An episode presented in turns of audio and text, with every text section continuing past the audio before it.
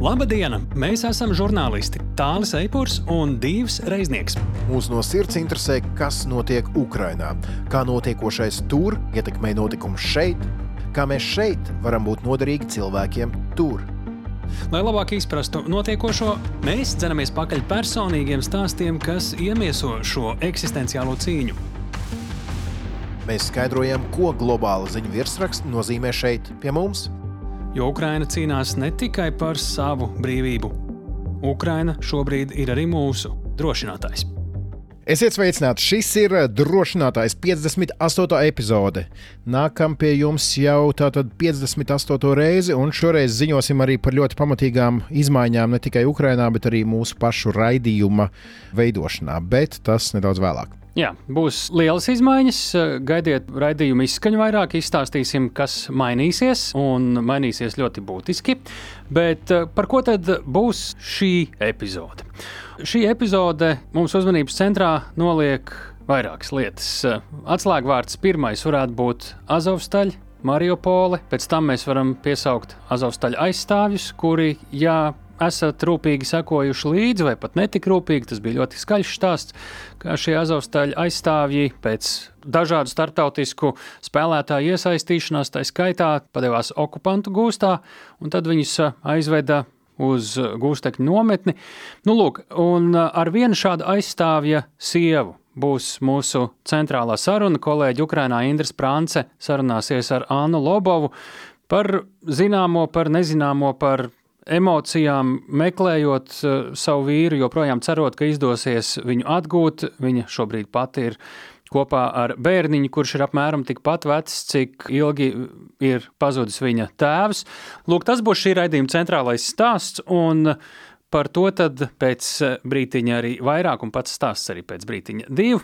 Tu esi kārtējo reizi, un kā vienmēr īpašā sarunā, notvēris pāri okeānam aiz telefona kabeļa vada Kristīna Bērziņa. Tieši tā, šoreiz mēs runāsim ar Kristīnu par šādām tēmām. Kamēr daudz pārmet Amerikai par nepietiekamu palīdzību Ukrainai, Kristīna devās uz kārtīgiem republikāņu laukiem, tā teikt, un noskaidroja, ka tur līdzīgs pārmetums dzird par Eiropu. Kāpēc Eiropa Ukrainai nepalīdz pietiekami? Savukārt viens no aktuālākajiem tematiem ap Baltijas jūru. Turcija devusi zaļo gaismu Zviedrijas iestāšanai NATO, tagad atliek gaidīt tik uz Ungāriju. Un nu, sanāk tā, ka Budapestas rokās tur šobrīd gana daudz ietekmes. Un um, Kristīna arī paskatīsies, teiksim, tā attālināt uz uh, šīs nedēļas droši vien lielāko diskusiju tematu, tātad par mīnām uz robežas, vai tām jābūt vai nav jābūt, kādām un kāpēc. Arī par to sarunā ar Kristīnu Bērziņu, Vācijas Maršala fonda Ziemeļnovirziena vadītāju un drošības politikas pētnieci.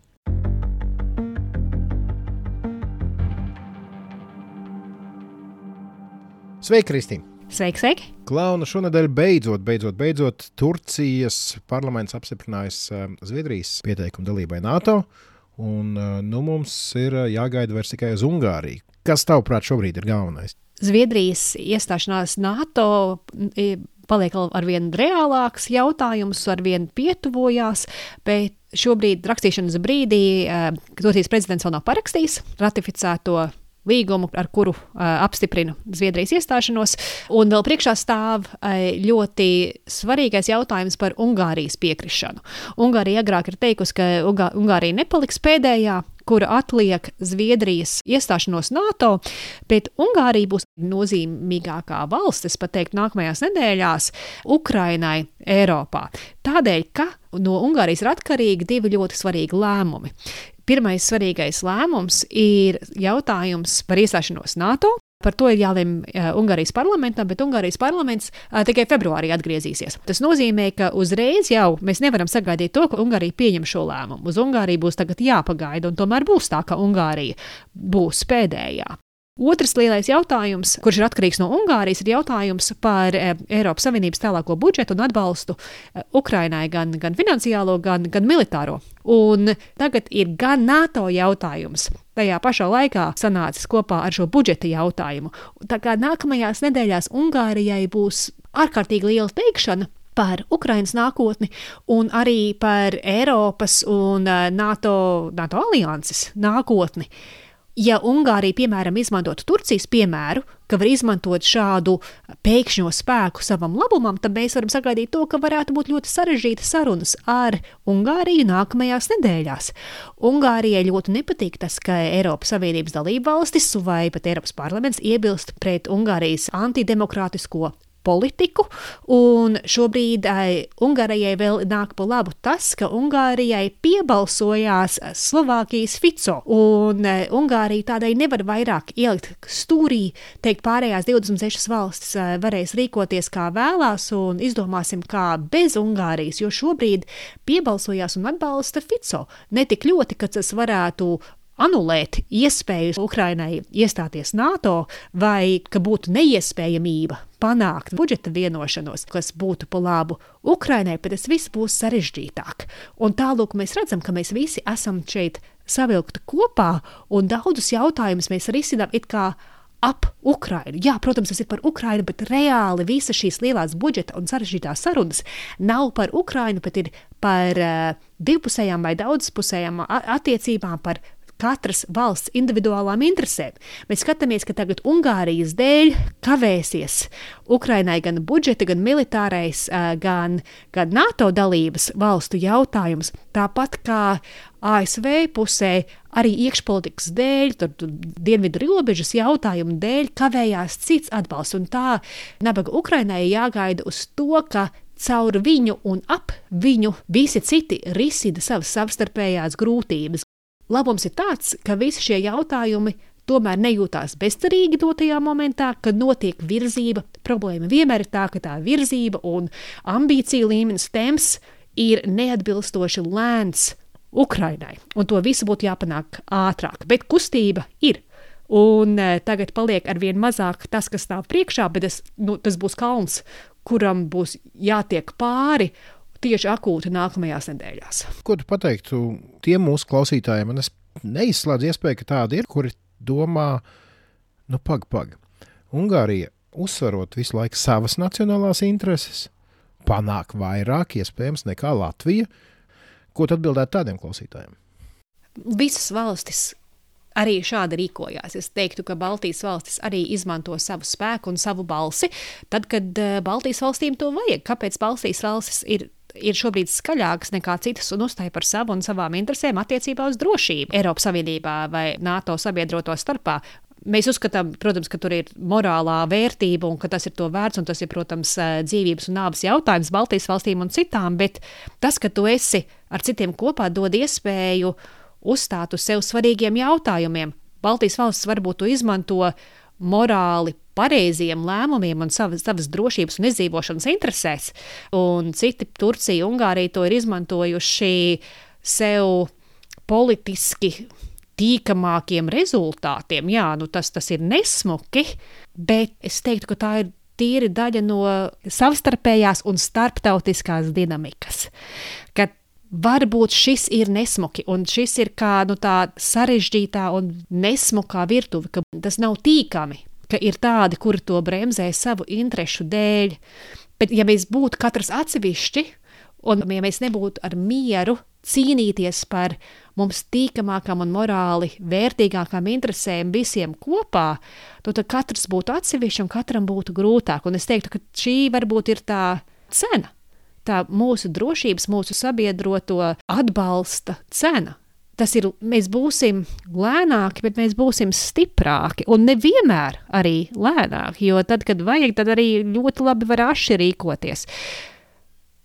Ukraiņas gadījumā aši rīkojās sākumā, tagad atkal lēnāk, bet tā cena, jā, tā cena ir augsta, bet bez tās cenas, kur mēs būtu Baltijā un kur būtu Ukraina bez sabiedrotiem, pat ja tas nav vienmēr tā, kā gribētos. Un jāatcerās arī par to ārkārtīgi milzīgo vērtību pat šiem sarežģītām sarunām. Nu, ko tagad parunāsim konkrēti par Latvijas drošību?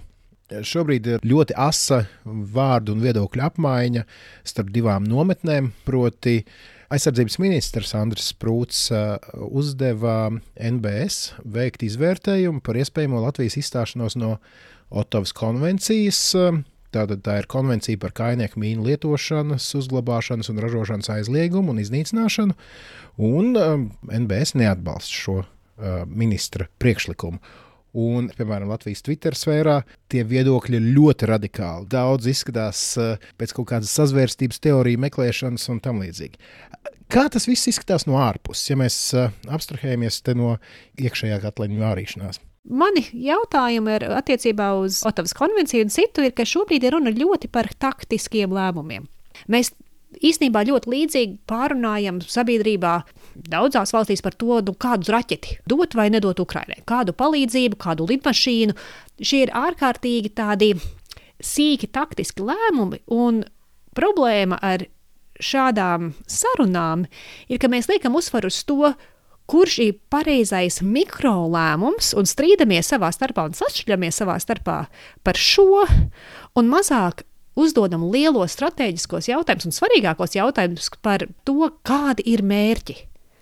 Kādi ir aizsardzības ministrijas un Nacionālo bruņoto spēku mērķi? Tie mērķi ir tā, lai pasargātu Latvijas valsti, Un to mērķi vajag pilnveidot ar ļoti daudzām dažādām metodēm, metodas, kuras mainās un attīstās, un kurām jārada vislielāko faktisko drošību valstī. Un tas nozīmē, ka ir jārada iespēja dažādiem scenārijiem, kāda var izspēlēties, lai nebūtu arī pavisam paredzams tieši kāda Latvijai būtu reakcija uz jebkāda veida uzbrukumu. Bet mēs iedziļināmies visi tajās sīkajās detaļās, un mēs atvelkam enerģiju un spēku no tā, kādā veidā mēs visi varam tālāk pilnveidot, sevi sagatavot un atbalstīt, un izmantojam šo jautājumu kā iemeslu, kādēļ savā starpā sašķelties. Un tāpat mēs strīdamies par attiecīgām e, ieroču sistēmām. Ukrainā nevis jau, prasa lielāks jautājums, ko būtu vēl jādod finansiāli, vai kā mēs kopā varam sanākt un pārvarēt drīzāk pašiem savas iekšējās nesaskaņas, gan, gan, gan Latvijā, gan apkaimē, gan sabiedroto starpā, lai nospraustu ļoti lielus mērķus, viņas ātrāk sanākt. Un tāpēc man liekas, ka šīs ļoti mazās taktiskās lietas atvelk no tā lielākā jautājuma, no sabiedrības gatavības, no saliedētības, un drīzāk jādomā, kā, kā mēs visi kopā varam pārvarēt šos lielos sarežģījumus un mazāk ķīvēsimies par lietām, kuras ir jāatstāj tomēr to cilvēku rokās, kuri īstajā brīdī pasargās arī mūs visus. No Latvijas pārceļamies pie tevis uz Vašingtonu. Tu šobrīd esi Vašingtonā, bet pirms īsa brīža bija Rietumvirģīnijā, kas zinām kā tāda republikāņu lauku teritorijas. Kāpēc mēs šeit drošinātājā raidierakstā par Ukrainu runāsim tagad par Rietumvirģīniju? Rietumvirģīnija. Kas tas ir? Tas tā, tā ir ASV pavalsts, kura ir gan pēc e, cilvēku skaita, gan apmēram pēc teritorijas līdzīga Latvijai. Un tā tad maza pavalsts, bet ar diezgan lielu politisko spēku Amerikā. Un mēs bieži te runājam par to, ko republikāņi vēlās vai nevēlās attiecībā uz atbalstu Eiropai un atbalstu Ukrainai. Un tagad es pavadīju trīs dienas Apalaču kalnos, Virģīnijā un runājusies ar vietējiem politiķiem un sabiedrību un industrijām uh, par to, kā viņi arī uztver pasauli. Un es teiktu, jā, to var novienkāršot to, ko republikāņi vairāk vilcinās, bet republikāņiem ir ārkārtīgi dažādi uzskati. Īpaši Rietumvirģīnijā ļoti ietekmīgajos Amerikas laukos par to, kas būtu nepieciešams. Nekādi iebildumi pret atbalstu Ukrainai nemaz nav. Un pat uh, vietējo politiķu vidū ir uzskats par to, ka tas viss ir izdarāms un ka Amerika atbalstīs Ukrainai, bet ir jātiek galā ar savu robežu, bet tas nav iebildums principiāls un ir tāds plašs atbalsts tam, ka vajag palīdzēt Ukrainai un ka sadarbība ar Eiropu ir kaut kas ārkārtīgi svarīgs un nozīmīgs. Tā kā tas pamats, par kuru mēs ļoti daudz uztraucamies, tas tādā dziļākā sabiedrības līmenī tur ir. Bet vienīgi kādreiz mēs tā no Eiropas puses skatāmies uz ASV un domājam, nu kāds tad atbalsts būs tur no Amerikas puses, vai mēs uz viņiem varam paļauties. Bet eh, kas ir interesanti, ka Virģīnijas laukos to pašu jautājumu par Eiropu prasa vietējie cilvēki. Tāpēc, ka liels jautājums no dažādiem politiskiem līmeņiem, no vietējā līdz augstākiem amatiem, ir tas, kāpēc Eiropā neiegulda savā aizsardzībā tā, kā vajadzētu, kāpēc Eiropa vilcinās ar atbalstu Ukrainai. Un ļoti bieži pirksti rāda uz Amerikas puses, kongresa pusē, kāpēc vēl nav pieņemts. Un godīgi, jā, to ir jāpieņem. Un tas ārkārtīgi būtu jāpaātrina, bet ir interesanti tas, ka Rietumvirģīnijas laukos tos pašus jautājumus tieši prasa par Eiropu, par Eiropas spēju sasparoties, saražot, tērēt. Protams, tas neatiecās uz Baltiju, jo Baltijas valsts ir ļoti lielisks piemērs par vietu, kur viss kaut kas notiek Ziemeļvalstīs arī. Bet, ja skatās uz, uz Vāciju vai uz Franciju vai uz lielvalstīm, kuras ir spējīgas daudz vairāk, bet nedara, to, tad e, ir interesanti, ka drusku arī tāds tā kā spoguļattēls. Mēs sagaidām vairāk no Amerikas, un Amerikā pilsoņi un vietējā līmeņa politiķi sagaida vairāk no Eiropas. Tālūk, tā kā tas uzdevums tiešām ir abās okeāna pusēs. Un interesanti ir tas, jā, ka nu, nu nav tā, ka ir, kad ir nazis, ka puse Amerika atbalsta un puse neatbalsta. Atbalsts no Amerikas laukiem Eiropai, tas tur ir. Un nevajag arī tur naidoties pārāk, bet arī uzņemties to atbildību un Eiropai sasparoties. Tas notiek, bet tas notiek pa lēnu. Un Amerikā tas notiek, bet tas notiek pa lēnu. Un tāpēc ātrums ir jautājums abās okeāna pusēs. Nu, ko, kamēr okeāna abās pusēs rāda ar pirkstiem uz otru krastu, tikmēr uh, Ukrainā mēs dzirdam par katastrofālu munīcijas trūkumu, bet nu, tāda ir tā situācija. Labi, liels paldies tev, Kristīna. Tu iedevi mums tādu veselīgu skatu no malas uz uh, dažādiem jautājumiem šajā nedēļā, un liels paldies tev par to. Un mēs sadzirdāmies pēc nedēļas. Paldies, un uz sadzirdēšanos!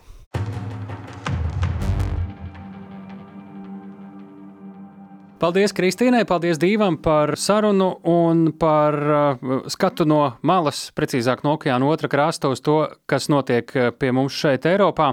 Un, nu, jāsaka tā, uh, ja tu divi piesakot šo sarunu, saka, tagad atliek tikai Ungārija attiecībā uz Zviedrijas pievienošanos NATO, piemēram. Es to tikai ieliktu boldā, pasvītrotu pēdiņās ar jautājumu zīmi, redzot, kā Ungārija, kāda skabarga ir attiecībā uz Eiropas Savienības eh, palīdzības piešķiršanu Ukrainai, man nav vispār nekāda pamata tāda ļoti liela domāt, ka šeit varētu neskapēc klāties eh, daudz vieglāk. Varbūt ir iemesli domāt, kāpēc varētu būt vieglāk, bet eh, nu, tas jau ir teikt, nākamais stāsts ar tādu nepārāk priecīgu ziņkāri šobrīd tas viss vērojas. Nu jā, viena tēma, ko, ja jau mēs runājam par Ukrainu, un viena tēma, ko mm, mēs šeit neesam tās ļoti plaši runājuši. Drošinātājā ir jaunais eh, Slovākijas premjerministrs eh, Roberts Fico.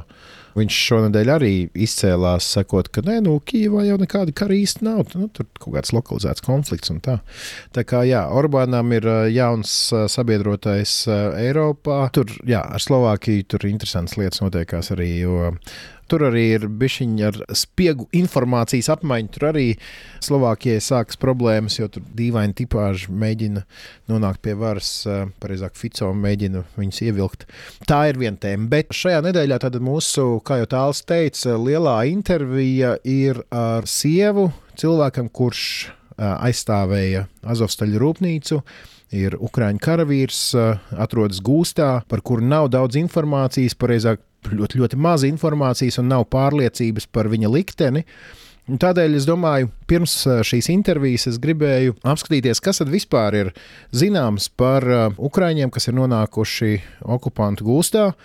Nu, cik daudz viņu tādu vispār ir? Šobrīd jāsaka uzreiz, diemžēl tās atbildes nav vienas un noteiktas un pārliecinošas. Piemēram, 23. gada novembrī Ukrainas reintegrācijas ministrija paziņoja, ka vairāk nekā 4300 ukrāņu, tā skaitā 760 vairāk civiliedzīvotāju, esot Krievijas gūstā. Nu, es esmu dzirdējis, jā, dažādas, no 2,5 tūkstošiem līdz krietni lielākam skaitlim. Vairāk informācijas ir par gūstekņu apmaiņu. Piemēram, ar Saudārābijas starpniecību šī gada 3. janvārī notika lielākā zināmā gūstekņu apmaiņa visa kara laikā. Krievija saņēma 248 sagūstītās militāru personas, Ukrainā atgriezās savukārt 230 cilvēki, tie skaitā vairāki Mariupoles rūpnīcas Azovstaļa aizstāvi. Kas īpaši būtiski, 48 no šiem atgrieztajiem ukrāņiem iepriekš tika uzskatīti par bezvēsts pazudušiem. Tātad tas principā nāk tā, ka nu, karā ir pieņemts uzskatīt, ka, ja ir bezbēzes pazudis, tad nu, tā iespējamība, ka tu esi miris, ir ļoti liela. Bet lūk, šeit mēs redzam, ka cilvēkiem tiek dots kaut kāds cerības stariņš, redzot, ka šie te it kā bezvēs pazudušie tomēr ir atradušies un atgriezušies mājās.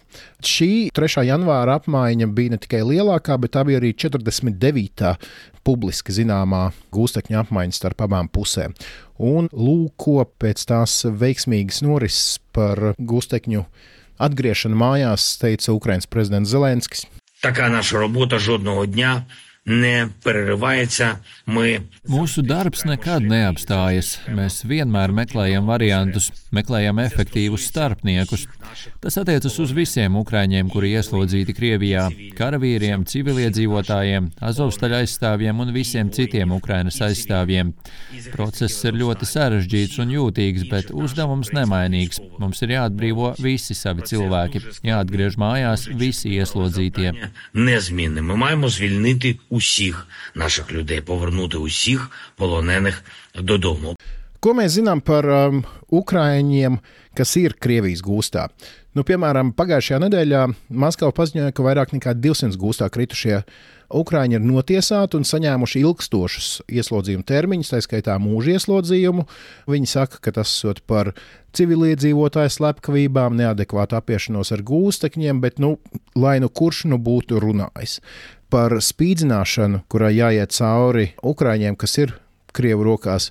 Tie nav viens, divi, trīs atsevišķi stāsti. Tā ir masveidīga informācija, kas atkārtojas atkal un atkal no tiem cilvēkiem, kuri ir atgriezti. Ir arī oficiāli, piemēram, ANO augstais komisārs cilvēktiesību lietās pagājušajā martā ziņoja, ka spīdzināti esot vairāk nekā 90% gūstā kritušie ukrāņi. Par šiem stāstiem ir arī daudz liecību Latvijas mēdījos. Pagūglējiet, uzreiz atradīsiet, izlasiet. Nu, tas uh, nav cilvēkiem ar vājiem nerviem, protams. Bet šī spīdzināšana, protams, ka pārkāpja starptautiskās konvencijas un likumus, tā teikt, kara laika likumus, bet ir vēl viena grupa, ko jau es pieminēju pavisam, pavisam īsi pašā sākumā.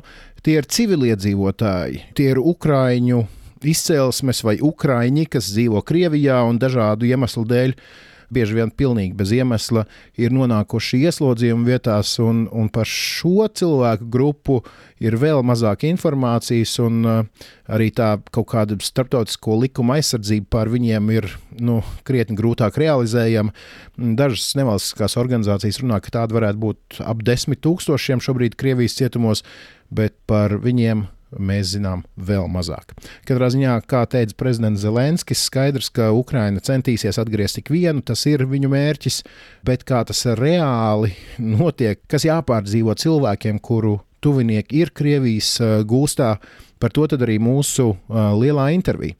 Jā, tūdaļ arī izstāstīšu vairāk par šo interviju, piebilstot pie Dieva sacītā. Nu jā, vēl ir tādi uh, gūstekņi, kuri ir, nu, es nezinu, nosauksim viņus par situācijas gūstekņiem vai ķīlniekiem, jo tie ir tie cilvēki, kuri dzīvo okupētajās teritorijās, cik nu to var nosaukt par dzīvošanu. Nu, tur par šiem skaitļiem, es domāju, nevienam nav pat. Nu, varbūt ir aptuvens priekšstats, cik no internetā kāds par to kaut kur pagūst, kaut kādos kanālos izsaukties, jo ir ļoti, ļoti daudz Ukrainas okupēto teritoriju iedzīvotāji, kuri ir visdažādākajos veidos represēti, vai nu viņi ir īslaicīgāk vai ilglaicīgāk aizturēti. Nu, tie ir stāsti, par kuriem es domāju, mēs labi uzzināsim, tad, ja šīs teritorijas, vai tad, kad šīs teritorijas izdosies atbrīvot. Un tad, ja šie cilvēki būs sveiki un veseli, tāpēc tie veidi, kā Krievija šobrīd izrēķinās ar Ukraiņu iedzīvotājiem un karavīriem, ir visdrausmīgākie. Bet, ja reiz par interviju, tad tik tiešām, kā jau šīs epizodes sākumā nedaudz ieskicējām, tad šoreiz intervija, Indras Prancis, kolēģis Ukrainā intervija, būs ar Azov staļu vai Azov kaujinieka Oļega Lobova dzīvesbiedri Ānu Lobovu, Oļeks bija tieši starp tiem mazo karavīriem, kas pēc tāda pilna apmēra iebrukuma sākuma vairākus mēnešus turējās pretī milzīgajiem Krievijas pretspēkam Mariupols, metalurģijas kombinātā, tātad Azovstaļa. Pienāca brīdis, kad tā situācija bija tāda, ka tika panākta caur dažādiem starpniekiem arī vienošanās, ka Un tur bija garantijas eh, par to, ka ar šiem cilvēkiem nekas nenotiks, ka viņi var padoties, viņi nonāks Krievijas gūstā. Tas notika 2022. gada maijā, vairākus mēnešus pēc eh, pilnmēroga iebrukuma, maija otrajā pusē, kad šie cilvēki padevās gūstā un līdz ar to vairākus simtus no viņiem ienaidnieks aizved uz Krievijas kara gūstekņu koloniju uz tādu vietu kā Olinivki. Nu jā, visas pasaules uzmanība bija piesaistīta šiem varonīgiem vīriem, kuri turējās pret milzu pārspēku, bet galu galā dažādu starptautisko vienošanos rezultātā šiem karavīriem Ukraiņas prezidents Zelenskis pavēlēja padoties. Cik konkrēti cilvēki iznāca laukā no turienes, tur uh, dati atšķiras. Krievija runā par 3917 ukrāņu karavīriem, kas tika saņemti gūstā, Ukraina apstiprinājusi, ka tie ir apmēram 3,5 tūkstoši cilvēku. Bet uh, lielāku uzmanību pēc tam jau piesaistīja tie vairāki simti, kurus aizsūtīja uz uh, Krievijas kara gūstekņu koloniju Olenivkos. Un tur divās aptuveni 60 km2 lielās barakās tika izvietoti ap 300 kara gūstekņiem katrā, un tad parēķiniet 5 uz vienu kvadrātmetru. Ja? Nu, un vēlāk gan 198 uh, no viņiem tika pārvest uz jaunu kazarmu kolonijas nomalē, turpat faktiski, bet uz citām telpām. Bet, diemžēl, naktī starp 22. gada 29. jūliju un 30. jūliju, tātad jau pāris mēnešus pēc viņu sagūstīšanas, pie šīs jaunās uh, novietnes tieši nogranda milzīgs sprādziens, sākās spēcīgs ugunsgrēks.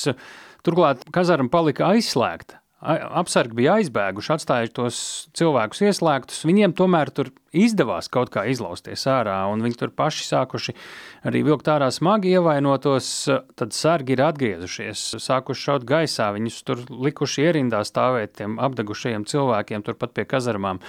Un tad tur bija dažādi pašārsteišanās ar žņaugiem no savām drēbēm un pārsējiem, un atveda pēc vēl laba laika tikai eh, tos, kuri ir ar medicīnisku pieredzi no tās necietušās barakas vai, vai nometnes, un viņi paši savstarpēji tur palīdzēja, un vairākas stundas nebija nekādu mediķu tur klāt, un tikai sanāk, ka pēc sešām stundām sākās evakuācija. Viņas krāvas mašīnā veda uz eh, citu vietu, un eh, tur arī vēl daļa mira šajā ceļā. Nu, lūk, Ir arī gūstekņi, kuriem ir palaimējies izkļūt no Olinivkas un atgriezties pat Ukrainā, droši vien to pašu apmaiņu rezultātā, un ir pieejams arī viņu intervijas, liecības un pierādījumi par notikušo arī tiek apkopot, to dara nevalstiskas organizācijas, un tas tiešām tad, nu, ir stāsts par kara noziegumiem pret kara gūstekņiem, un Krievija, protams, apgalvo, ka pa šo kazarmu ir šāvuši paši ukrāņi ar slaveniem Haimars. Savukārt Ukraiņas tiesības sargi norāda, ka kazarmas ir iznīcinātas ar termobārisko ieroci, to ir darījusi Krievija, un par to arī ir pieejami pētniecisko žurnālistu pētījumi, ir atrodami pieejami internetā, un ir arī pamatotas versijas par to, kas Krievijas pusē ir bijuši atbildīgi par traģēdiju Lenivkos. Nu, lūk, tāds ievads, lai jūs labāk saprastu kontekstu sarunai, kura tūdaļai būs dzirdama. Nu, ko tik tālu ievads um, kontekstu, lai jūs saprastu labāk to kontekstu, par ko būs uh, runa šajā sarunā. Un tātad šobrīd mūsu korespondents Ukrainā Indras Sprānces saruna ar gūstā esošā Azau kaujinieka Oļega Lobova dzīves biedreni Annu Lobovu. Un atcerieties, kā vienmēr, ja intervija nav latviešu valodā, mēs piedāvājam to noklausīties arī oriģinālu valodā, šajā gadījumā Ukrāņu valodā. Tas tepat publicēts kaut kur blakus šim raidierakstam, ko šobrīd klausāties. Klausāmies!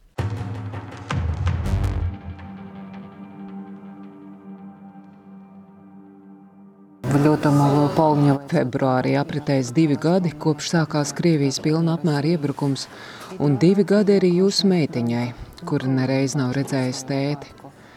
Kāda ir pēdējā informācija, kur šobrīd varētu atrasties jūsu dzīves biedrs? Pēdējo reizi es redzēju sarakstus, kas bija izvietoti internetā. Tā bija Horļivkas kolonija numur 27 Krievijas okupētajā Donetskas apgabala daļā. Tas bija 9. februārī pagājušajā gadā. Bija ļoti garš saraksts. Daudzus mūsu puišus no slimnīcas droši vien pārveda uz Horļīvku, bet no atbrīvotajiem informācijas nav. Viņu neviens nav redzējis. Nav zināms, Es nezinu, kur viņš ir. Nav nekādas informācijas, un saziņa ar viņu kopumā pa šiem 20 mēnešiem kolonijā mums nav bijusi І зв'язку взагалі за ці 20 місяців полону в нас не було. Kad jūs pēdējo reizi runājāt ar savu vīru? СМС була перед виходом з Азовсталі 16 травня. Īziņa bija pirms iziešanas no Azovstaļa 2022. gada 16. maijā, naktī no 16. uz 17. maiju. Tā bija personiska rakstura. Par gūstu tur nekas nebija. Vienkārši es jūs skauju, mīlu, nu tāda. Un jau pēc tam no dokumentiem es uzzināju, ka 17. maijā viņš devās gūstā. Tātad viņš uzrakstīja īsiņu pirms iziešanas, bet tā kā pa telefonu runātu, Godīgi sakot, es pat neatceros, jo 2. martā pārtrūka sakari pavisam. Pēc tam viņš periodiski uzrādījās, un daļēji viņa vietā rakstīja kāds cits, vai kāds zvanīja, lai pateiktu, ka viss ir labi.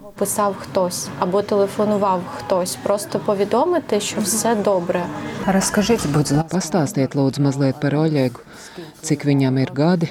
kas viņš bija pirms pilna apmēra iebrukuma. Ми з Олегом познайомилися в 2020 році. У 2020 році ми досить довго з ним просто дружили. Mēs ar Oļegu iepazināmies 2020. gadā. Mēs ilgi vienkārši draudzējāmies. Viņš jau dienēja. Viņa karavīra gaitas sākās ilgi pirms mūsu iepazīšanās. Ļoti grūti bija pieņemt lēmumu par kopīgu dzīvi, jo viņš bija karavīrs. Un tagad es uz savas ādas izjūtu, ko tas nozīmē, kāda atbildība, cik tas ir grūti un kādas sekas tam var būt. Він старший мене на три роки, тобто в цьому році йому має виповнитись е, 33. Е, спеці- Я знаю, що він пішов, коли він пішов служити, він працював просто в ремроті. Вони ремонтували техніку, тому що це його фахова освіта. Oļegs ir trīs gadus vecāks par mani, un šajā gadā viņam jāpaliek 33. Zinu, ka viņš militārajā jomā savas gaitas sāka ar darbu remontstrādnieku rotā. Viņi remontēja tehniku. Ar ko tieši nodarbojās, es godīgi sakot, arī pati nezinu. Karavīru ģimenē tev ģimene ir piekdienā, sestdienā un svētdienā. Visu pārējo laiku viņš ir dienestā. Un, kad viņš atgriezās mājās, gribēja atpūsties un negribēja runāt par darbu. Viņu vairāk interesēja, kā man klājas, kā man darbā, par plāniem attiecībā uz bērnu. Nu, tādas lietas. Mēne par moju robotu, protams, par plāniem na detaļu. Nu, Jā, Kurā gadā viņš pievienojās Ukraiņas aizstāvjiem? Ukraini. Godīgi sakot, es to zinu tikai no Krievijas resursiem. Tur ir rakstīts, ka tas ir 2014. gads. Es zināju, ka sen, vienkārši es nelīdu tur. Es viņam uzdevu tādu jautājumu, kāpēc tu nolēmi to darīt, jo jauns cilvēks ir Viņš atbildēja, nu kādam taču jādara.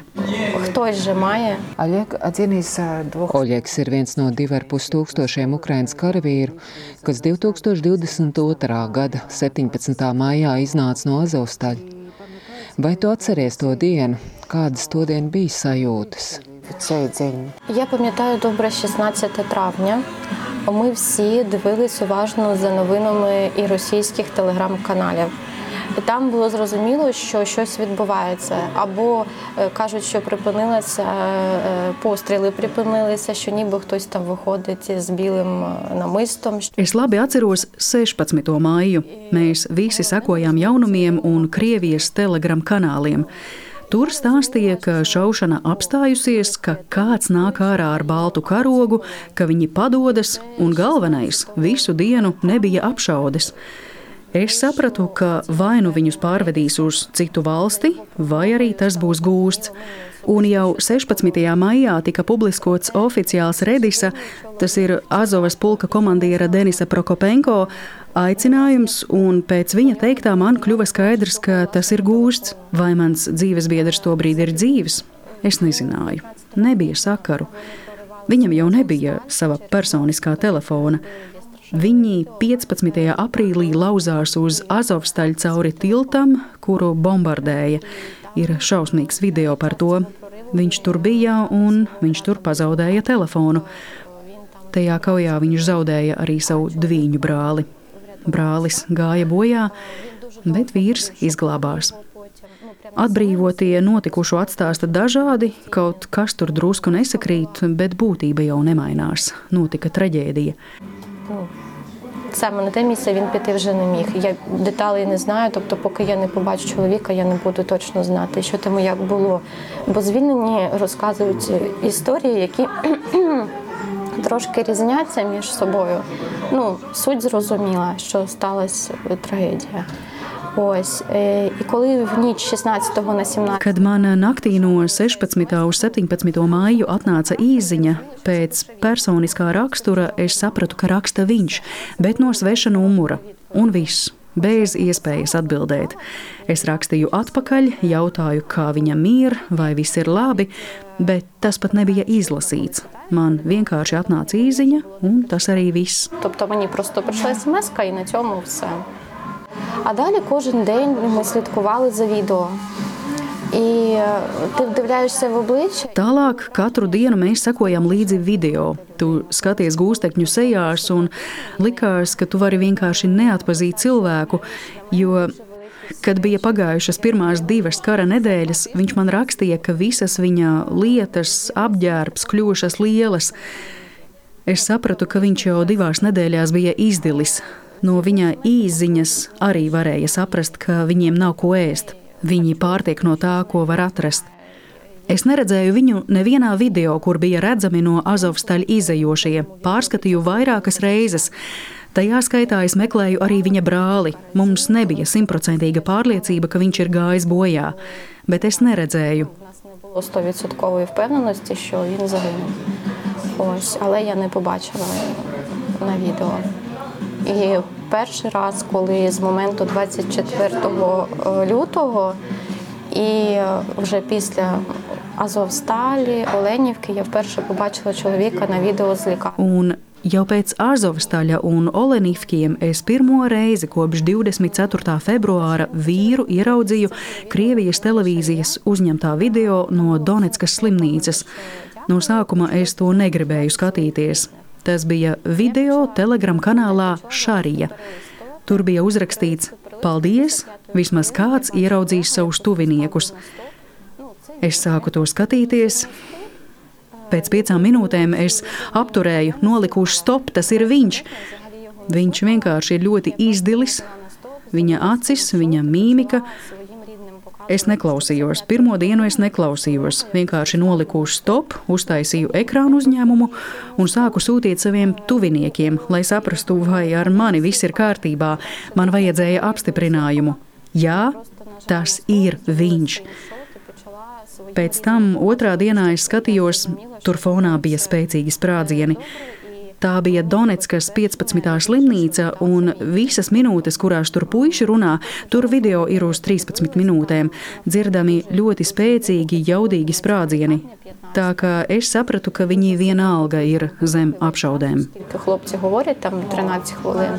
Тобто я розуміла, що вони все одно під обстрілами. Як kādi ievainojumi? Він там називає, але відео обривається. Тобто він говорить поранення осколкові по всьому тілу, тобто голова, тіло. Viņš tur nosauc, bet video apraujas. Viņš runā par ievainojumiem no šķembām pa visu ķermeni. Galva, ķermenis. Viņam tā caur roku apsaitēts, cik nu tur ir redzams tajā video, pārsaitēta arī plauksta. Video tajā vietā apraujas, un tālāk viņu izvaicā par kaut ko citu. Viņš stāsta, ka pamodies no sprādziena, bijis dezorientēts, bet sapratis, ka jāizkļūst no degošajām Olenivku barakām, un viņš aizrāpojas līdz izējai. Він потім якось зрозумів, що йому треба виповзти чи вийти, і він пішов чи поповз туди до виходу. 29. jūlijā Olenivkos gāja bojā 57 ieslodzītie, bet vairāk nekā 100 tika ievainoti. Kā jūs par to uzzinājāt? Kādas jums bija šīs dienas? Я дізналася десь після 9 ранку, тому що це якраз був момент, коли. Es par to uzzināju pēc 9 no rīta. Tas bija brīdis, kad bērns ēda savu rīta putriņu. Viņa ēda to, kad es televizorā redzēju sižetu par Olenivkiem. Mēs zinājām, ka uz turieni arī iepriekš lidoja. Man nodeva tādas ziņas, un es nodomāju, kā parasti vienkārši kaut kas atlidojis. Pēc tam teica, ka tur cilvēki gājuši bojā. Protams, sākās panika, nekas nebija zināms. Mums bija tāds neliels tuvinieku čats. Es tur uzrakstīju, kas noticis. Man atbildēja, nepievērs uzmanību, tās visas ir Krievijas ziņas, provokācija. Pēc tam ienāca video, foto. Es teicu, nē, tas cilvēks, kurš bijis Olenivkos, tika atbrīvots 2022. gada jūnijā teica, ka tā ziņās pieminētā vieta ir rūpniecības zona, tur nekad neviens nav turēts, tāpēc tā ir provokācija. Bet es teicu, nē, tur ir cilvēku ķermeņa daļas, kāds tur bija. Tur tas tam bija Трошки стало спокійно, бо ти розумієш, ніби ну, людей отримували в інших бараках, е, значить, ну, хтось там інший. Bet es kļuvu drusku mierīgāka, ka cilvēki turēti citās barakās. Tātad kāds cits. Tas eh, varbūt skan mazliet cīniski, bet katrs no tuviniekiem tā domā, kaut nu tur nebūtu manējais. Kad jau naktī uz 30. jūliju parādījās saraksti, es pamodos ap diviem naktī un iegāju telegram kanālā Irina Ukraina. Mums tāds populārs kanāls ir. Tur bija izlikti Olenivku kolonijā bojā gājušo saraksti. Es tos atvēru un sāku skatīties pēc uzvārda. Viens cilvēks, otrs cilvēks. Pēc tam redzu mana vīra uzvārdu. Panika, protams, bet modināt savējos divos naktī. Pēc tam kāds uzrakstīja, ka ir vēl arī ievainoto saraksti. Es teicu, iedodiet ievainoto sarakstu, un tur jau komentāros parādījās, ka daži ir abos. Un es skatos, ka Oļegs ir arī ievainoto sarakstā. Un tur komentāros parādījās, ka divus neaizveda līdz slimnīcai, tāpēc viņi tur tā parādās. Nu, tā dienu dzīvo un tici, dienu domā, nē, nu, kā tas ir Un tā līdz 17. augustam, kad parādījās okupētajā Donetskas slimnīcā ierakstītās intervijas, kurā citu starpā ir arī Oļegs. Погано, якщо їх цих людей не довезли, тобто в них був шанс. І ось так до 17 серпня Jak, kā jūs domājat, kas tur Olēnivkos notika? в нас не було сумнівів, хто це зробив. Mums nebija šaubu par to, kurš to ir izdarījis. To izdarīja tā puse. Līdz pat šodienai mēs nezinām, vai tā bija apšaude vai uzspridzināšana, jo tās telpas bija saimnieciskai izmantošanai, un caur apšaudi varēja aizdegties. Vai varbūt tas bija kombinēts, mēs joprojām nezinām. Mēs esam vairāk nobežījušies par jautājumu, kāda bija motivācija, kāpēc tas tika izdarīts, un kā viņi atlasīja tos cilvēkus, kurus aizvest uz vēlāk iznīcināto Olenivku kolonijas korpusu, jo viņi reāli viņus atlasīja. І як вони туди обирали людей, бо вони їх реально обирали. Čurno, kāpēc Oļegs trāpījās šajā sarakstā? Я не знаю, в мене немає цього пояснення. В- Немає аналогії. Якщо брати військове, е, е, там все різне. Es nezinu. Man nav skaidrojuma. Ja skatās uz karavīriem, tad viņi visi tur ir dažādi. Varbūt drusku pa grupām viņus var apvienot. Oļegam ir tāda specialitāte, viņš ir autovadītājs. Es nezinu, ko viņš tādu varēja izdarīt, lai viņu tur aizvestu. Tur bija arī citi puiši, autovadītāji, puiši, kuri remontē tehniku, bija arī nozīmīgāki azovieši, gan pēc pakāpes, gan pēc profesionālās nodarbošanās. Viņi bija dažādi. Vienīgais, ko es pie sevis esmu drusku izanalizējusi, tur bija grupiņās cilvēki, kuri gadiem ilgi bija turējušies kopā ikdienas sadzīvē. To es tā, ja var sadalīt pa grupiņām, bet kopumā nav viņiem nekā kopēja Mūsu galvenā izlūkošanas pārvalde teica, ka tie ir cilvēki, kuri atteicās filmēties viņu propagandas video. Tā tas ir vai nav, nezinu. Водились е, зніматись в їхніх пропагандистських відео. Так це чи не так, ну не знаю. Jak by вы оценили? Kā jūs novērtētu starptautiskās sabiedrības atbildību? Kad viņi izgāja no Azovstaļa, viņiem solīja drošību, spēku. Коли вони виходили з Азовсталі, я більше слухала. Kad viņi nāca ārā no Azovstaļa, es vairāk klausījos mūsu varas pārstāvjos. Tieši bija iznākusi mūsu prezidenta intervija. Viņš tur sēdēja kopā ar sievu. To iespējams ierakstīja agrāk, bet parādīja to tieši uz to laiku, kad notika iznākšana. Viņš tur sauca valstis. Ir valstis, garantijas, ir sarkanais krusts. Mēs kopumā nezinājām, kā tas notiek. Varbūt kādam no tuviniekiem arī kaut ko uz mājām rakstīja, bet es kopumā biju bez informācijas. To, ka viņiem kaut ko sola, es zināju no citām ģimenēm, un ka tam jābūt sarkanajam krustam arī vēlāk. Piemēram, pirmajā video, kas bija redzams, kur pirmo grupu izved, tur bija atbraucis sarkanais krusts. Ir redzams, ka daudz cilvēku stāv, un sarkanais krusts tur ir ieradies. Червоний хрест туди приходив. Jā, pavirala v te, šo jih pārstāv. Es noticēju tam, ka viņus pārstās sist, būs plus mīnus minimāla ēdināšana un ka viņus sagaida apmaiņa, jo tā bija vienīgā iespēja viņus dabūt atpakaļ. Es domāju, ka tur pilnīgi noteikti ir kāda vienošanās, jo puiši arī agrāk varēja padoties gūstā, bet viņi to nedarīja. Cik cilvēku gāja bojā Mariupolē līdz 16. maijam? Es patiešām ticēju, ka tur ir kaut kāda vienošanās. Kā jūs šodien novērtējat to organizāciju darbu? Piemēram, sarkanā krusta. Nekā. Piemēram, jūlijā, augustā, vai tas jau bija septembra sākums, es viņiem zvanīju, jo daudziem deva otro apstiprinājumu par piederīgo atrašanos gūstā, un tie puiši, kuri bija ar Oļegu slimnīcā, viņi sāka uztraukties, ka man nav apstiprinājuma. Es zvanīju sarkanajam krustam. Viņi ierakstīja manu pieteikumu, solīja atzvanīt. Viņi nav atzvanījuši joprojām. Man piezvanīja cita sieviete, septembrī laikam, un informēja, ka viņš ir apstiprināts kā gūstā esošs. Es viņai teicu, ka esmu pieteikusies sarkaniem krustam, kāpēc man neatbild. Viņa atbildēja, mums tā mēdz būt. Tas dienests man tā arī neatzvanīja. Es zinu, kur tā bija. Tā slūžba man tā arī neparatelefonēja. Зараз є моменти, коли рідним загиблих в Оленівці Червоний Хрест досі телефонує. І Šobrīd ir bijušas situācijas, kad Olenivkos nogalināto tuviniekiem sarkanais krusts zvana un izvaicā par viņu tuviniekiem. Tātad viņi pat nezina, ka šo cilvēku vairs nav starp dzīvajiem, bet tuviniekus tas stipri traumē. Viņi ir sašutuši. Tas nav pareizi. Iespējams, būtu labāk, ja mūsu tiesībsargi iedotu viņiem šo sarakstu ar nogalinātajiem, lai viņi vismaz tos tuviniekus neapgrūtinātu un viņiem nezvanītu. Apvienoto nāciju organizācija nezinu. Mēs uz pirmo gadsimtu Olenivkos notikušajam ombudsmena birojā tikāmies ar vienu sievieti no ANO. Nu, viņi visi ir nobažījušies, izrāda līdzjūtību, bet ar to taču ir par maz. Vajag izmeklēt notikušo un tiek zaudēts laiks.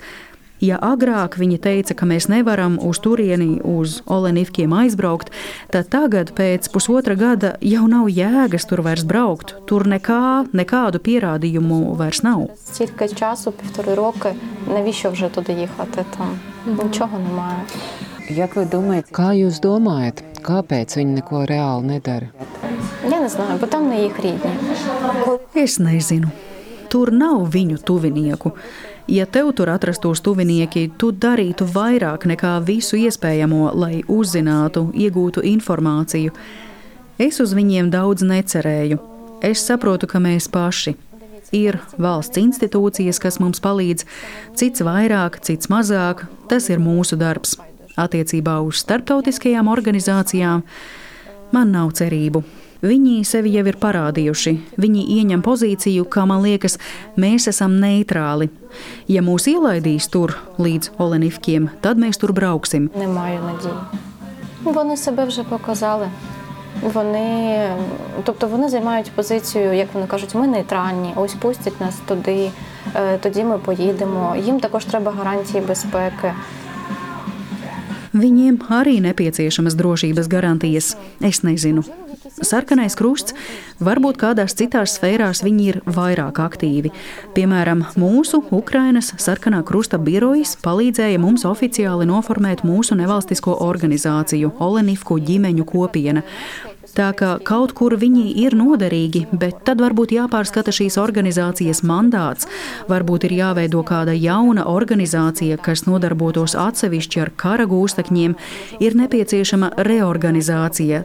Tai organizācijai ir liela darba pieredze bet savu misiju viņi neizpilda. Років, але свою місію, покладену на них, вони не виконують. Вы сказали, что верите в місцеву владу. Jūs teicāt, ka ticat vietējai varai, bet vai ticat, ka taisnība uzvarēs, ka Oļegs atgriezīsies un tie, kas to nodarīja, tiks sodīti? Вілі з полоненими будуть покарані. Е, Я не вірю, що ті, хто це зробили, будуть. Es neticu, ka tie, kuri to izdarīja, tiks sodīti.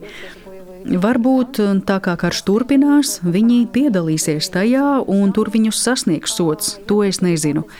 Es gribu saņemt atbildes uz diviem jautājumiem. Kā tur nonāca šie cilvēki un kāpēc viņus uzspridzināja? Kāds tam bija iemesls?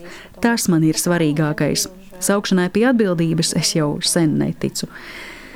Pa visu šo laiku kopumā visās apmaiņās no Azov karavīriem atgriezti ir 23. 11 no viņiem ir smagi ievainotie. Mēs saprotam, ka nevar visus uzreiz atgriezt, bet kaut vai pat dažiem cilvēkiem iekļaujiet apmaiņā, atgrieziet. Viņi, daži no viņiem, uz visu mūžu paliks par invalīdiem, morāli, psiholoģiski. Es kopumā par to nerunāju, bet fiziski viņiem ir vajadzīgas operācijas. Kā jūs to redzat, vai Ukraina dara visu, lai viņus atgrieztu mājās? Domu. Так як е, повернення саме постраждалих оленівців, особливо важко поранених, да, Tā kā Olenivkos cietušo īpaši smagi ievainoto atgriešana bija tikai 2022. gada septembrī, pēc tam nav neviena cilvēka, tad es domāju, ka tiek darīts nepietiekami, jo nav rezultāta. Kopumā ir apturēta smagi ievainoto atgriešana. Viņu nav. Mūsu valsts jau ir organizējusi nevienu smagu gūstekņu apmaiņu. Kāpēc netiek atgriezti tie, kam ir nepieciešama medicīniskā palīdzība? Tāpēc, kā sieva, vērtējot pēc rezultāta, es uzskatu, ka var izdarīt vairāk. Bet kā tur patiesībā notiek tās sarunas, kādi ir nosacījumi, mēs saprotam, ka apmaiņas tā vai šā ir politisks jautājums бо обміни так чи інакше ми розуміємо, що це є питання політичне. Kādu jūs redzat Ukrainas un šī kara nākotni? Мені б дуже хотілося, щоб е, м, в нас була можливість повернутися додому.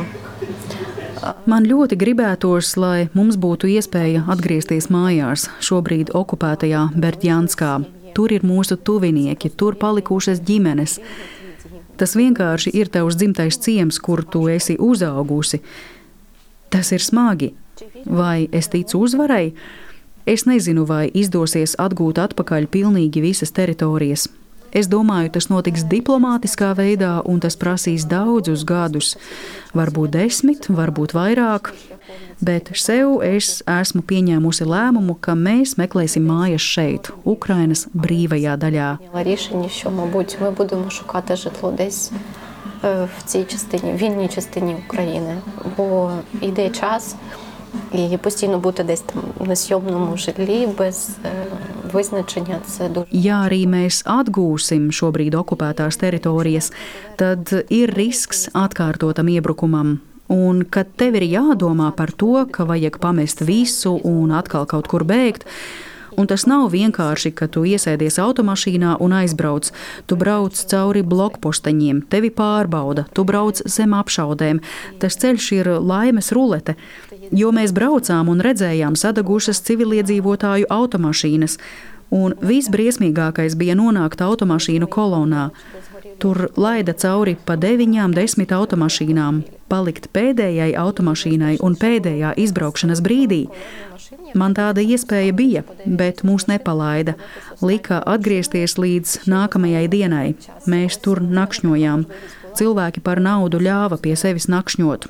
Mūsu šoferis aizveda tur, bet mēs vēl nebijām aizbraukušas līdz ciemam, kad sāka šaut Tā kolonna, kas aizbrauca tālāk, nokļuva zem apšaudes. ще на ночівлю. Тобто нас водій відвіз туди. І ми ще не встигли доїхати, там близько було. Вже почали гатити. Тобто та колона людей, яка поїхала, вона вже попала під обстріл останній. Якби у вас būtu. Ja jums būtu iespēja pateikt kaut ko krieviem, Krievijas sabiedrībai, ko jūs teiktu? Сказали. Щоб вони виступили проти, проти війни, тому що буквально вчора, вже приїхавши з Києва, е, на ніч я вімкнула. Lai viņi iestātos pret karu, jo burtiski vakar, atbraucot no Kīivas, es uzdūros video, kur bija kāda Irina, es neatceros viņas uzvārdu. Viņa meklē savu dēlu, viņa ir aktīviste gūstekņu jomā. Viņa sniedza interviju Katerinai Gordējevai. Klausoties viņā, Ja viņa uzskata, ka viņu dēlus šeit nogalina vai viņu šeit nelikumīgi atsūtīja un viņi pret to iebilst, viņiem jāiet ielās. Es nezinu, viņiem jārīkojas. Es teikšu tā, es nekad neticēju, ka šī valsts varētu mums nodarīt kaut ko tādu. Vienkārši lūgums viņiem pārstājiet šaut, kāpēc tiek nogalināti bērni, sievietes. Nu, tā taču ir taisnība, viņi tiek nogalināti. Par ko? Ko vienkāršie cilvēki var šajā jautājumā atrisināt? Cik mājas jau ir iznīcinātas un cik bērni jau ir kļuvuši par bāriņiem? Kāpēc tik daudz bērnu masveidā tiek izvests? Tāpēc, ka, ja viņi mācīsies no notiekošā Ukrainā un zinās patiesību, viņi paši pēc tam dosies uz Krieviju ar ieročiem, jo Krievija izpostīja viņu dzīves. Ja, Вони потім на ту Росію підуть е, самі зі зброєю, бо вони зруйнували їх життя. Що допомагає? Kas jums palīdz palikt stiprai? Trimats. Не знаю, дитина, мабуть. Мгм. Тому що заради неї Nezinu, varbūt bērns. Viņas dēļ tas viss tiek darīts, lai viņa redzētu tēti, lai viņai būtu pilna ģimene. Jo manu vīru, viņus ar brāli, uzaudzināja vecmāmiņa. Man ir pilna ģimene, es zinu, kāda ir starpība. Viņa ir ļoti līdzīga viņam, viņiem, vīram un viņa brālim. Viņi ir divi un ļoti līdzīgi. Es zinu vīra sapņus, kā viņš gaidīja, kā viņš plānoja. Tik daudz mīlestības, tik daudz plānu šim bērniņam viņam bija. Es gribu, lai viņa to redz.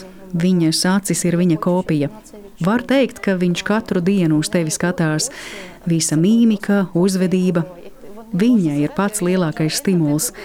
Kad risinājās notikumi Olenivkā, es ieraudzīju visus tos sarakstus, un man pirmais jautājums bija: Dievs, kāpēc viss tā, un kāpēc šim mazajam bērniņam ir jābūt tajā visā? Pēc tam, kad es ieguvu cerību, es sapratu, ka nepieciešams cīnīties. Ja jau man liktenis ir devis šādu iespēju, tad man ir jāizdara maksimums, lai viņš atgrieztos mājās. Viņi visi atgrieztos mājās.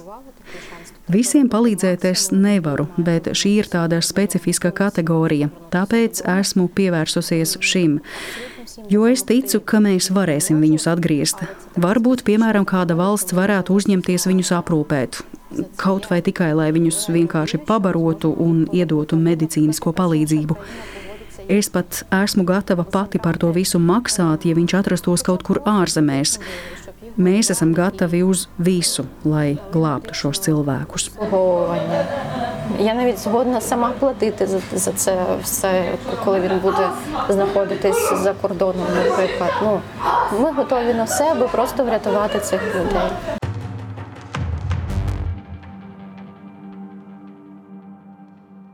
Paldies Indrai Sprancei Ukrainā. Viņa sarunājās ar gūstā esošā Azov kaujinieka Oļega Lobova dzīvesbiedreni Annu Lobovu. Uh, jā, eh, skarbs stāsts, eh, kuram nav vēl beigas eh, pienākušas, un cerams, ka tās beigas būs iepriecinošas, bet katrā ziņā šis ir vienkārši tāds ļoti skaudrs atgādinājums par tiem cilvēkiem, kuri šobrīd nevar aizstāvēt savu dzimteni, bet kuri ir nonākuši gūstā un par kuru dzīvi un dzīvību nav pārliecības eh, šiem tuviniekiem. Mēs mēs pat nevaram iedomāties, kam jāiet cauri eh, neskaitāmiem cilvēkiem, kuru uh, tuvinieki ir šobrīd uh, gūstā. Es domāju, ka šeit tas, ko es varu ieteikt, ja jums ir iespēja saprast ukraiņu valodu, tad noteikti izmantojiet iespēju arī klausīties šo sarunu oriģinālu valodā, jo tur ir dzirdamas arī visas Annas emocijas. Un intonācijas, kas to stāstu padara vēl daudz, diemžēl, realistiskāku. To, protams, ka var tepat blakus arī meklēt, eh, blakus šai epizodei, tur tas viss arī ir dzirdams. Bet nu, tā intervija ir ukraiņu valodā. Jums nav drošs ukraiņu valodas pamats, tad esat dzirdējuši arī eh, tikko jau to visu ar tulkojumu latviešu valodā. Nu, ko, eh, mums eh, tagad laikam ir pienācis tas laiks, kad ir jādalās ar šīs epizodes, nu, kā divas sākumā teica, tādiem lieliem jaunumiem, kas eh, raidierakstā drošinātājs turpmāk mainīsies. Jā, tāli. Nu, es tagad negribu trivializēt uh, situācijas, bet. Un nevajag. Jā. Uh, Nu, teiksim tā, mēs ar Tālu Eipuru un Kristīnu Bērziņu esam bijuši kopā ar visiem drošinātāju klausītājiem. Nu, jau 58 epizodes, tad 58 nedēļas. Varat to visu dzirdēt straumēšanas platformās, Latvijas radio lietotnē. 58 nedēļas nav īsts brīdis, tādēļ droši vien ir ļoti labi saprotams un izprotams, ka ir vajadzīga kāda rotācija. Tāli Nu jā, stāsts ir patiesībā ļoti vienkāršs. Šajā laikā, kad mēs veidojam drošinātāju, mainās arī citas lietas ap mums, darbos un līdzīgi. Un es vienkārši esmu pieņēmis lēmumu un saskaņojis ar divu, ar pārējiem, ka šajā brīdī es paietu nostāk no drošinātāja, jo darbu ir vairāk kā var iedomāties. Tas nenozīmē, ka es pavisam pasaku visu labu, negribu jūs redzēt. Nē, es Es ļoti labprāt, ja tāda iespēja būs, un mēs par to jau runājam, ka šad un tad kāda lielā intervija varētu būt arī manā veikumā. Un es domāju, ka tagad man ir jāpiesaka mūsu stafetes kociņa pārņēmējs divi. Jā, es ar jums vēl palieku, ja tas spēj kaut kā jūs mierināt. Arī raidieraksts drošinātājs ar jums paliek, nekur nepazūd un turpina tie tā, tieši tādā pašā ritmā. Dievs paliek, Kristīna paliek, un tāļa vieta šobrīd rotācijas kārtā ieņem Latvijas radio ārzemju ziņu redaktors Rihards Plūme. Sveiks, Rihard! Jā, sveiks gan tāli, gan sveiks arī divi. Pareizi jau tu minēji gan manu amatu, gan manu vārdu. Nu, droši vien tie, kas jau būs tādi acīgāki vai, nu, precīzāk, droši vien dzirdīgāki un klausās ne tikai šo lielisko podkāstu drošinātājs, bet arī Latvijas radio ziņu izlaidumus, tad tur iespējams būs mani kādreiz vai varbūt arī bieži sadzirdējuši, jo nu, ikdienā mans darbs ir ziņot par ārvalstu aktualitātēm un, nu, protams, ka jau arī kopš 2014. gada pēc tā un īpaši jau arī kopš 2000. 22. gada 24. februāra, jo īpaši gan es, gan mani kolēģi vēstam diezgan bieži par un ap jautājumiem un aktualitātēm un stāstiem, kas ir saistīti ar Ukrainu paralēli vēl visām arī citām pārējām aktualitātēm. Kā zinām, pasaule liela, viss savā starpā saistīts, un par to sanāk ziņot diezgan bieži un par daudz un dažādiem tematiem. Bet nu, līdz ar šo jauno izaicinājumu, kas man tagad būs, kas man ir uzticēts tāļa vietā, tad arī centīšos vismaz kā minimums noturēt latiņu un noteikti arī vēl varbūt atšķirībā no tādām parastām ziņām, ko ikdienā dzirdam radio, nu tad vairāk pievērsties arī tādiem e, dziļākiem un personīgākiem stāstiem, jo nu, gan ziņās, gan arī šeit, e, drošinātājā, mēs jau tomēr cenšamies bieži vien atgādināt cilvēkiem par to, kas šobrīd notiek Ukrainā, cik ir svarīga cīņa arī mūsu vārdā par to, un, protams, ka šie personīgie stāsti viennozīmīgi palīdz gan to izprast, gan justies tam tuvāk un daudz un dažādas lietas uzzināt. Nu, ko, es nu pat sajūtos nedaudz atvieglots, dzirdot, ka Rahards arī nebūtu nav kritis uz mutes. Tā kā tāli ar tevi man bija liels prieks un gods strādāt. Mēs iepriekš tik uh, intensīvi kopā nekad nebijām strādājuši. Mēs bijām pazīstami krietni sen, bet uh, man katrā ziņā paceļ cepuri tavas profesionalitātes un ieinteresētības un uh, humora izjūtas priekšā. Tas bija pirmā lieta, ko viens no maniem brāļiem teica, jau tam tālim ir ļoti laba humora izjūta. Tā kā liels paldies tev, Tāl, ka tu biji kopā ar drošinātāju. Pareizāk, tu biji viens no galvenajiem līdzautoriem tava darba rezultātā. Tagad drošinātājs ir tāds, kā ir. Nu, mēģināsim iet tālāk, kā Rahards jau teica, nelaist to latiņu zemāk. Un eh, katrā ziņā, jebkurā brīdī gaidām tevi atpakaļ ar, ar intervijām, ar ko vien tu vēlies teikt drošinātāju klausītājiem. Nu, Rihards teica, ka viņam kaut kad arī atvaļinājumā būs jāiet. Tā kā nebrīnieties, ka es pēkšņi esmu uz mazu mirklīti atkal atpakaļ. Bet tas ir pilnīgi racionāli un reāli. Skatīsimies, kā mums ies, dzīve iet uz priekšu, kustas un mainās. Lielas paldies Rihardam, ka tu esi piekritis pārņemt šo stafeti. Paldies! Arī man ir daži vārdi, kas ir jāpasaka ar paldies priekšā. Te nu gan eh, jāsāk droši vien ir ar Latvijas Radio 1. Tas ir pirmais paldies. Tie bija cilvēki mūsu vadībā, kuri vispār iededzināja šo, tieši šo raidierakstu ideju un uh, sāka runāt ar mani, ar Dīvu.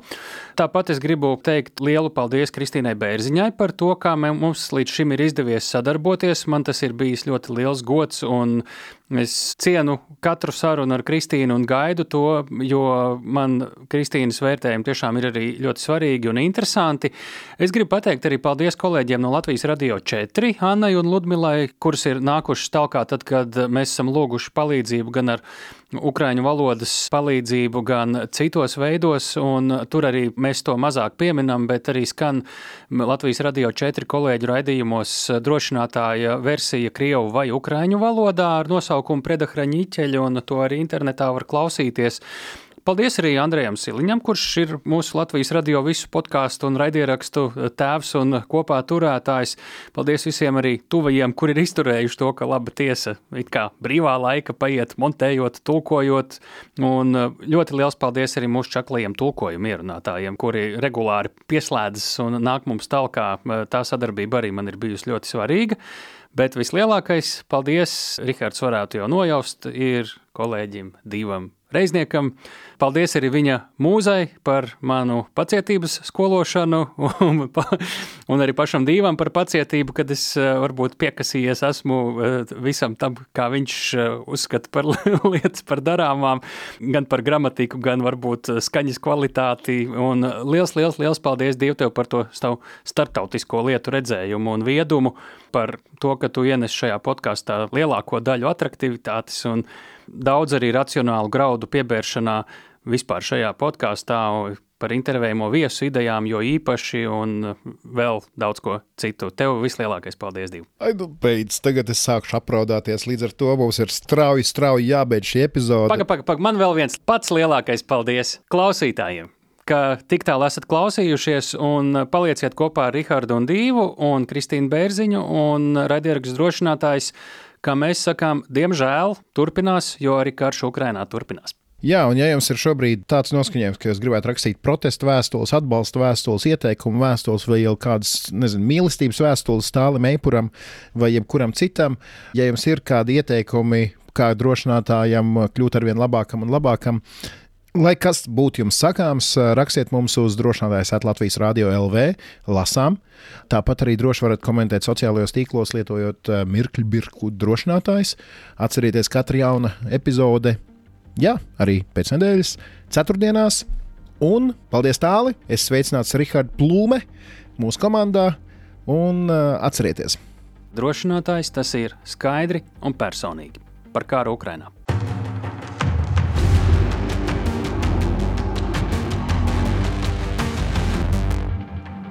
Raidieraksts drošinātājs.